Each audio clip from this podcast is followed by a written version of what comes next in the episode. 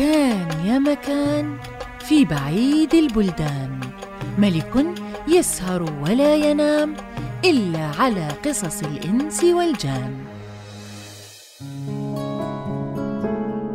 وبلغني أيضا أيها الملك السعيد أن الأمير موسى والشيخ عبد الصمد والعسكر أكملوا مسيرتهم إلى مدينة النحاس.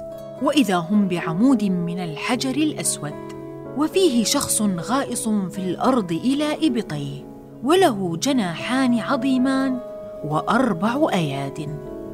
ثم قال ذلك العفريت الذي نصفه في العمود للشيخ عبد الصمد ومن حوله يسمع ولما نزل نبي الله سليمان عليه السلام بجيوشه حول الجزيرة أرسل إلى ملكنا يقول له ها أنا قد أتيت فاردد عن نفسك ما نزل وإلا فادخل تحت طاعتي وقر برسالتي واكسر صنمك. واعبد الواحد المعبود وزوجني بنتك بالحلال وقل أنت ومن معك. أشهد أن لا إله إلا الله وأشهد أن سليمان نبي الله. فإن قلت ذلك كان لك الأمان والسلامة وإن أبيت فلا يمنعك تحصنك مني في هذه الجزيرة. فإن الله تبارك وتعالى أمر الريح بطاعتي فآمرها أن تحملني إليك بالبساط وأجعلك عبرة ونكالا لغيرك. فجاء الرسول للملك وبلغه رسالة نبي الله سليمان عليه السلام. فقال له الملك ليس لهذا الأمر الذي طلبه مني سبيل فأعلمه أني خارج إليه.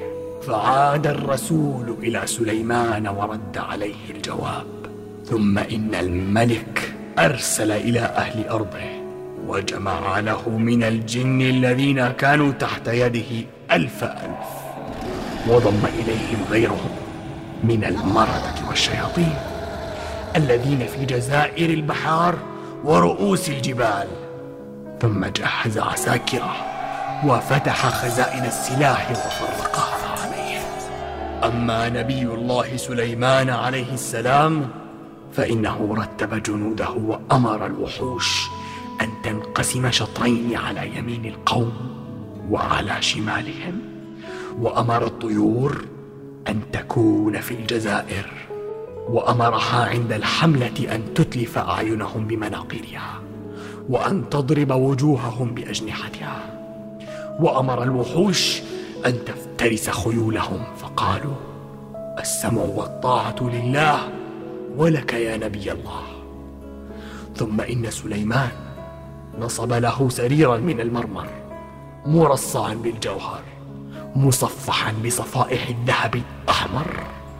وجعل وزيره آصف بن برخيا على الجانب الأيمن ووزيره الدمرياط على الجانب الأيسر.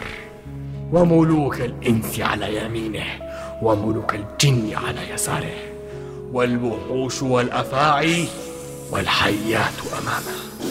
ثم زحفوا علينا زحفة واحدة وتحاربنا معه في أرض واسعة مدة يومين. ووقع بنا البلاء في اليوم الثالث فنفذ فينا قضاء الله تعالى.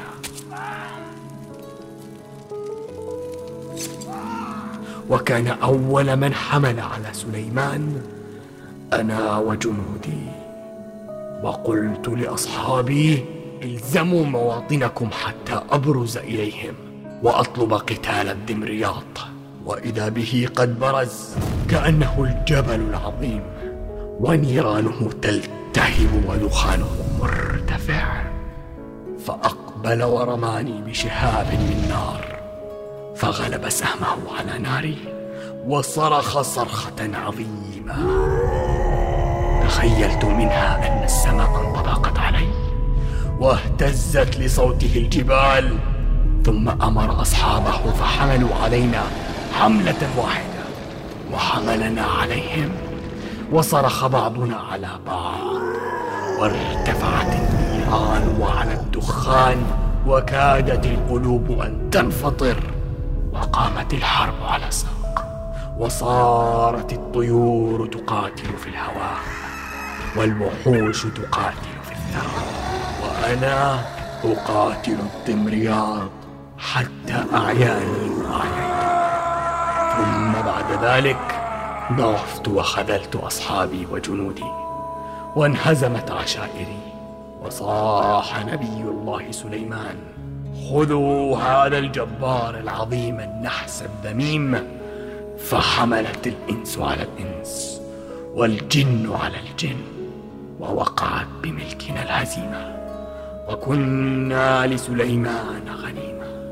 وحملت العساكر على جيوشنا والوحوش حولهم يمينا وشمالا والطيور فوق رؤوسنا تخطف أبصار القوم تارة بمخالبها وتارة بمناخيرها وتارة تضرب بأجنحتها في وجوه القوم والوحوش تنهش الخيول وتفترس الرجال حتى صار أكثر القوم على وجه الأرض كجذوع النخل. وأما أنا فطرت من بين أيادي الدمرياط فتبعني مسيرة ثلاثة أشهر حتى لحقني ووقعت كما ترونني. وأنهى الجني حكايته وفهم القوم كيف سجن في العمود. فقالوا له أين الطريق الموصلة إلى مدينة النحاس؟ فأشار لهم إلى طريق المدينة وإذا بينهم وبينها خمسة وعشرون بابا لا يظهر منها باب واحد ولا يعرف له أثر. وسرها كأنه قطعة من جبل أو حديد صب في قالب. فنزل القوم ونزل الأمير موسى والشيخ عبد الصمد. واجتهدوا أن يعرفوا لها بابا ويجدوا لها سبيلا فلم يصلوا إلى ذلك. فقال الأمير موسى يا طالب كيف الحيلة في دخول هذه المدينة؟ فلا بد أن نعرف لها بابا ندخل منه. أصلح الله الأمير. لنستريح يومين أو ثلاثة وندبر الحيلة إن شاء الله تعالى في الوصول إليها والدخول فيها. فعند ذلك أمر الأمير موسى بعض غلمانه أن يركب جملا ويطوف حول المدينة لعله يطلع على أثر باب أو موضع قصر في المكان الذي هم فيه نازلون. فركب بعض غلمانه وسار حولها يومين بلياليهما. يجد السير ولا يستريح. فلما كان اليوم الثالث أشرف على أصحابه. وهو مدهوش لما رأى من طولها وارتفاعها. ثم قال للأمير إن أهون موضع فيها هذا الموضع. ثم أن الأمير موسى أخذ طالب بن سهل والشيخ عبد الصمد وصعد على جبل مقابلها وهو مشرف عليها. فلما طلعوا ذلك الجبل رأوا مدينة لم تر العيون أعظم منها. قصورها عالية. وقبابها زاهية ودورها عامرات وأنهارها جاريات وأشجارها مثمرات وأنهارها يانعات.